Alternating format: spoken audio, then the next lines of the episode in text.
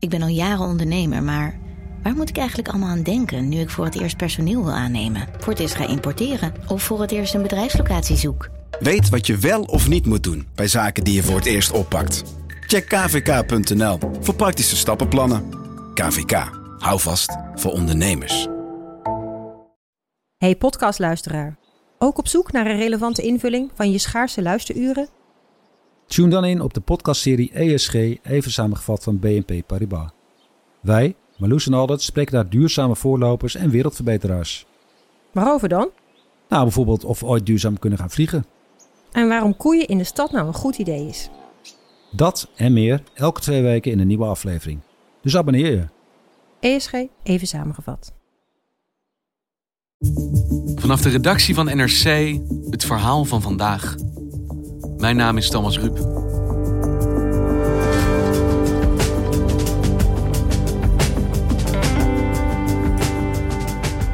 Oost-Afrika wordt geteisterd door een sprinkhanenplaag die hele gemeenschappen ontwricht.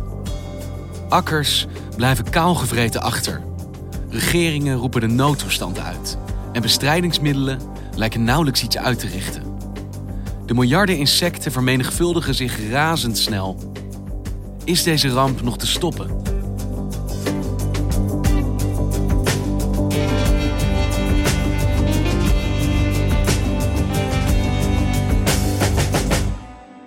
Ze zijn niet makkelijk te vinden, eh, die beestjes. En je kan eigenlijk het beste voor de dageraad opstaan.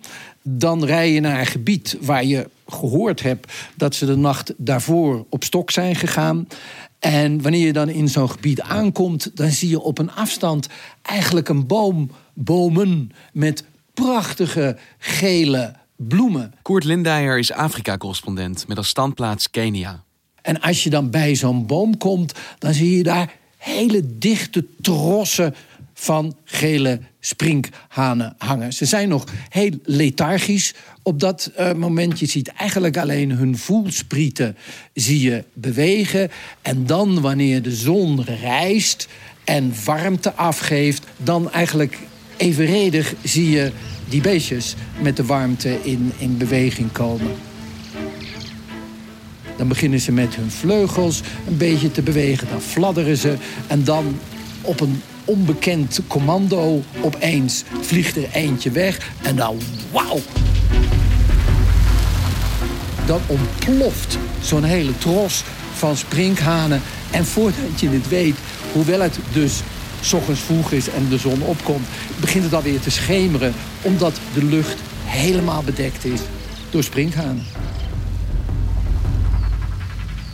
Dan uh, dalen zij neer op de akkers in de omgeving. Dan is het etenstijd. En kun je mij een idee geven van hoe ernstig is deze situatie in dat gebied?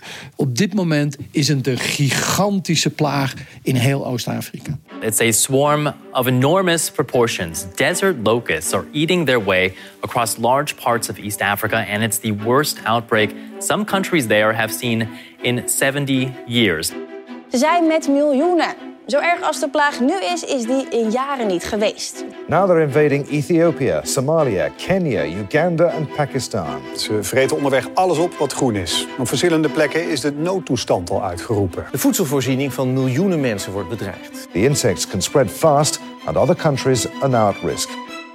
De mensen waar ik mee sprak rond Mwingi, alleen de aller oudste, die mensen die konden zich nog herinneren dat ergens in de jaren 50 dit soort plagen ook uh, hebben plaatsgevonden. Maar verder niemand, alle uh, relatief jonge mensen van het ministerie van Landbouw, niemand kon zich een plaag van deze omvang herinneren. En ik was op stap met een zekere Daniel Mumo, die werkt bij dat ministerie van Landbouw.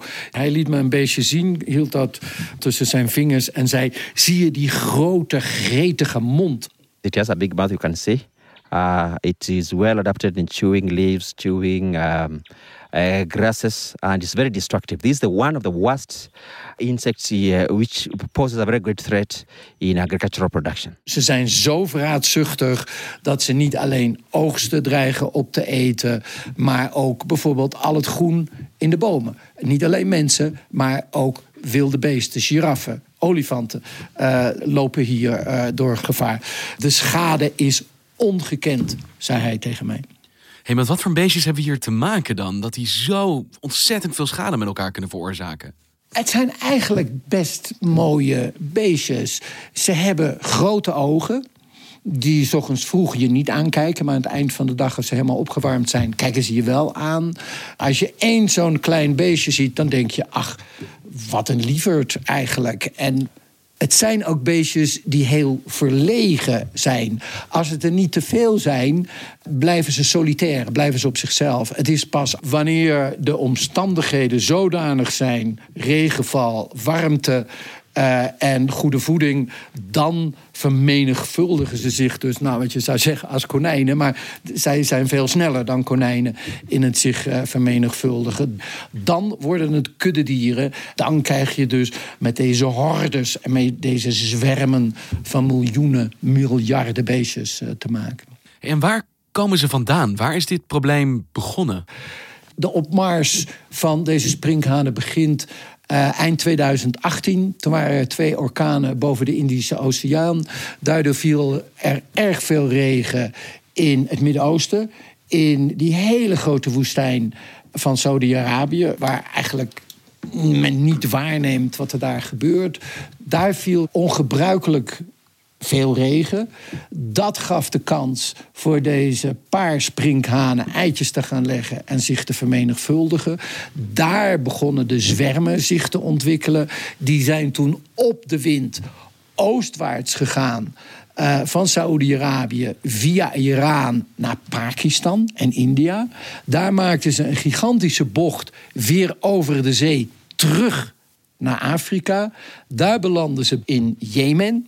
Zoals je weet, in oorlog en waar uh, dit soort rampen niet kunnen worden bestreden door de onveiligheid. Daar hebben ze zich weer vermenigvuldigd. Vandaar zijn ze de Rode Zee overgestoken naar Djibouti. En toen vanuit Djibouti zuidwaarts om uiteindelijk in Kenia te belanden.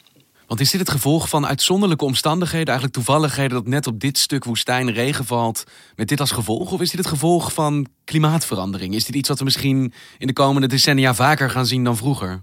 Nou, het is ongetwijfeld zo dat het weer een stuk grilliger is geworden in de afgelopen 10, 15 jaar. Ik heb dat hier zelf meegemaakt. Vroeger kon je precies zeggen op welke dag het regenseizoen begon en wanneer het uh, zou eindigen. Die zekerheid is al een hele lange tijd uh, verdwenen. Dus er is sprake van klimaatsverandering. Daar is geen enkele twijfel over mogelijk. Het regenseizoen hier in Oost-Afrika begon in oktober. Dat is het korte regenseizoen en dat zou ergens begin december moeten eindigen.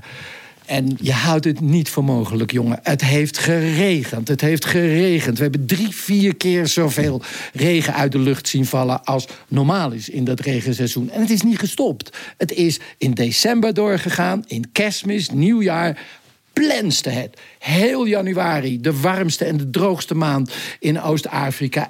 Pas de laatste twee dagen sta ik hier in Nairobi op met een kraakheldere blauwe lucht. En zijn de regens een beetje uh, gestopt. Maar de vrees bestaat nu dat de periode, de droge periode, tot het aanstaande regenseizoen in april, dat het zal blijven regenen. Nou, door zou je kunnen zeggen, door de klimaatsverandering uh, zijn de omstandigheden zo gunstig voor ze, omdat er zoveel regen valt, dat deze plaag zich heeft kunnen ontwikkelen, uh, waardoor ze grote delen van Oost-Afrika nu kunnen kaalvreten. En wat richten die sprinkhanen aan als ze hebben huisgehouden op zo'n plek? Eigenlijk zien mensen hun oogst voor hun ogen verdwijnen. Did she tell you, uh, Daniel, what the situation is. Heeft ze verteld hoe het... Oh ja, ja, ja, ja. Haar akker... Er stijgt tussen de mais stijgt er wolken sprinkhaan op. Of the, of the locust invasion. Een zwerm van 40 tot 50 uh, miljoen uh, van dit soort sprinkhanen eet per dag zoveel als 10.000 mensen.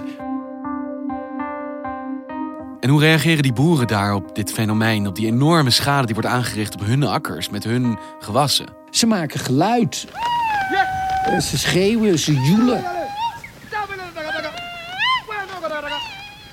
Flikker op, rotbeesten, eh, roepen ze dan.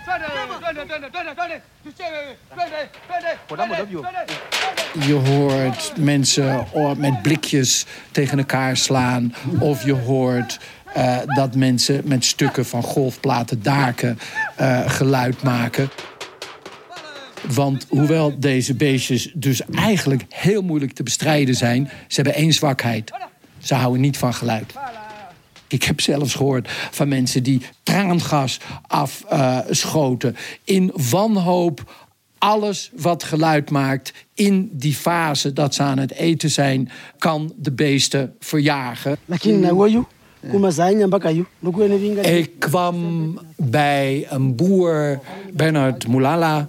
En ja, hij bleef maar zwaaien met zijn armen. Hij had al de hele ochtend en een deel van de middag met zijn armen gezwaaid. En toen hij naar me toe kwam, eh, in plaats van me een hand te geven, bleef hij maar zwaaien. Hij was in, in een soort shock geraakt. Hij riep uit: Ik word gek, meneer. Ik word gek, meneer. Ik geef het op. De overmacht van deze woestijnsprinkhanen, daar kan je bijna niks tegen doen. Maar er is als boer toch ook niet tegenop te boksen? Ik bedoel, er is niks te doen tegen dit soort omvangen van, van dit soort zwermen, lijkt mij. Wat doet de overheid uh, hier tegen? Je kan de beestjes besproeien. Of vanuit de lucht. Dan moet je dus letterlijk zo'n zwerm achterna gaan met je vliegtuigje. Nou, dat is heel, heel moeilijk. We have been carrying out aerial spraying using airplane, uh, aircraft from uh, Isiolo. But the chemical which was used, it proved to be not to be effective because it had uh, uh, around 2-3% mortality. Het allerbeste is gewoon te voet met een fles uh, bestrijdingsmiddel op je rug en met een spuit op stap gaan en dan de grond bespuiten. En dan vooral wanneer ze niet in de bomen zijn, niet in de akkers, op de akkers zijn, maar wanneer ze eitjes leggen. En dat is het moment dat je ze het beste kan raken met je bestrijdingsmiddelen. Maar tot nu toe hebben ze, de overheid heeft twee keer bestrijdingsmiddelen gebruikt. Uh, die werkten niet echt. Ze hebben nu weer een nieuw bestrijdingsmiddel. Ze hebben afgelopen week helemaal niet besproeid in Kenia. En ze zouden deze week weer opnieuw gaan bestrijden. Maar vooralsnog uh, zijn de sprinkhanen aan de winnende hand. Maar als ik hoor wat die onvoorstelbare hoeveelheden zijn die zij kunnen eten in korte tijd. Wanneer is dan het moment dat de voedselvoorziening daadwerkelijk bedreigd wordt? Nou ja, dat hangt natuurlijk erg ervan af in welke fase van het groeiproces van het gewas deze beestjes neerdalen. In het gebied waar ik was, was de mais en de sorghum vrijwel klaar. Dat wil zeggen dat de bladeren dus al vergeeld zijn. Uh, de kolf mais bijna klaar is om te oogsten. En dan hebben de beestjes niets aan die plant. Want ze eten alleen groene bladeren, niet de kolf. Dus in die gebieden waar ik was, zal vooralsnog zelfs een goede oogst, een extra goede oogst uh, zijn vanwege de vele regenval. De erten, die zijn verloren. De peulvruchten, die zijn verloren. De oogst die over twee maanden op het veld zal staan, want men heeft twee keer kunnen zaaien, die is ook verloren. De ramp ligt vooral in de toekomst, in de komende paar weken en maanden. So here they are all on top of each other. What is happening here? Now, these locusts have been feeding over the day. Now they have stopped feeding. Now they are preparing for mating, and they have started already. As you can see. De dag dat ik met de woestijnsprinkhanen heb doorgebracht, was eigenlijk het hoogtepunt of het dieptepunt was aan het eind van de dag. Op een volle maag is het het beste om te copuleren. Aan het einde van de dag komen die beestjes, als ze geslachtsrijp zijn, dalen ze neer. En dan begint een massale copulatie. Dan springen de mannetjes op de vrouwtjes. Daar springt weer een mannetje op. Ik heb een plumpudding van vijf sprinkhanen op elkaar gezien. De mannetjes vechten onderling. En als dan het vrouwtje bevrucht is, dan gaat het eitjes leggen. Het graaft in uh, het mulle zand, legt daar de eitjes. Nou, dat is het grootste gevaar. Want één vrouwtje kan tenminste 50 eitjes leggen. Soms zelfs 90 eitjes. Dus één sprinkhaan, vrouwtje sprinkhaan, wordt straks 50 sprinkhanen of 90 sprinkhanen. En daar ligt dus de ramp in het verschiet. Omdat de miljoenen, miljarden die ik gezien heb, die zijn dus straks vervijftigvuldigd. Nou, dan kan je je voorstellen dat de ramp helemaal niet meer te overzien is. Omdat het dus vele malen meer beestjes zijn.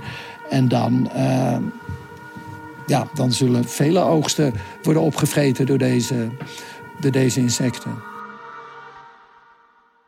Maar het is dus mogelijk dat het nog veel erger gaat worden dan het zelfs nu is. Als het nu de komende twee maanden, hier in Kenia tenminste, kurkdroog blijft... en nogmaals, dat is niet de weersverwachting...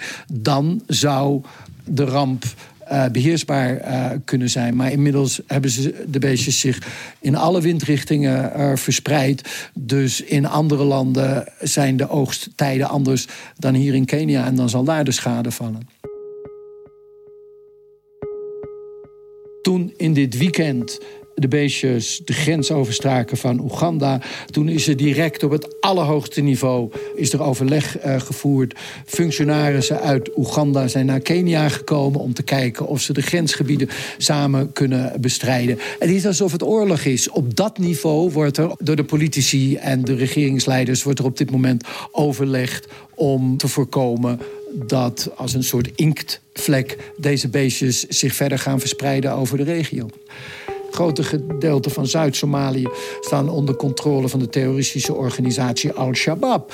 Uh, de, de landbouwdeskundigen zijn nu zo dat ze onderhandelingen proberen te openen met deze terroristenorganisatie. Wat natuurlijk uit den boze is dat je met terroristenorganisaties onderhandelt. Maar de situatie is zo ernstig dat er wordt overlegd met Al-Shabaab in de hoop dat zij toestemming geven dat er daar wel met uh, besproeiingsmiddelen kan worden gewerkt tegen de beestjes. Maar gaat dat genoeg zijn? Wat is er voor nodig om deze sprinkhanen effectief te kunnen bestrijden? Het is nu van belang dat er goede besproeiingsmiddelen komen en meer vliegtuigen. Kenia heeft iets van zes tot negen vliegtuigen in de lucht om deze plaag te bestrijden. Althans, uh, dat, is, dat is de bedoeling. Hetzelfde is het geval in, in Oeganda. Dat is natuurlijk veel te weinig. Er zouden meer vliegtuigen moeten zijn. En er zou een betrouwbaar bestrijdingsmiddel moeten zijn.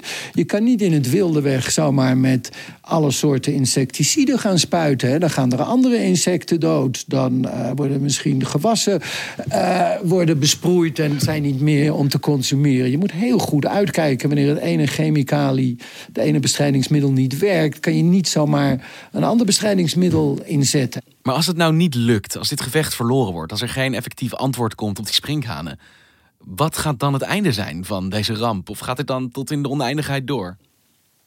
Dan is het dus gewoon wachten totdat we weer een droogte krijgen. En dan zijn de gunstige omstandigheden voor deze beestjes verdwenen. Maar de vrees bestaat nu dus dat het blijft regenen en dat we heel dicht bij het nieuwe regenseizoen straks zitten. En dat er dan een verveelvoudiging heeft plaatsgevonden van de beestjes. Maar het, is uiteindelijk de natuur die deze plaag veroorzaakt en de natuur die een einde aan deze plaag moet maken.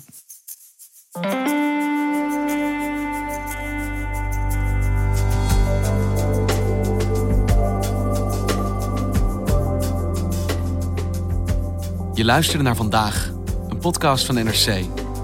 Eén verhaal, elke dag. Dit was vandaag, morgen weer.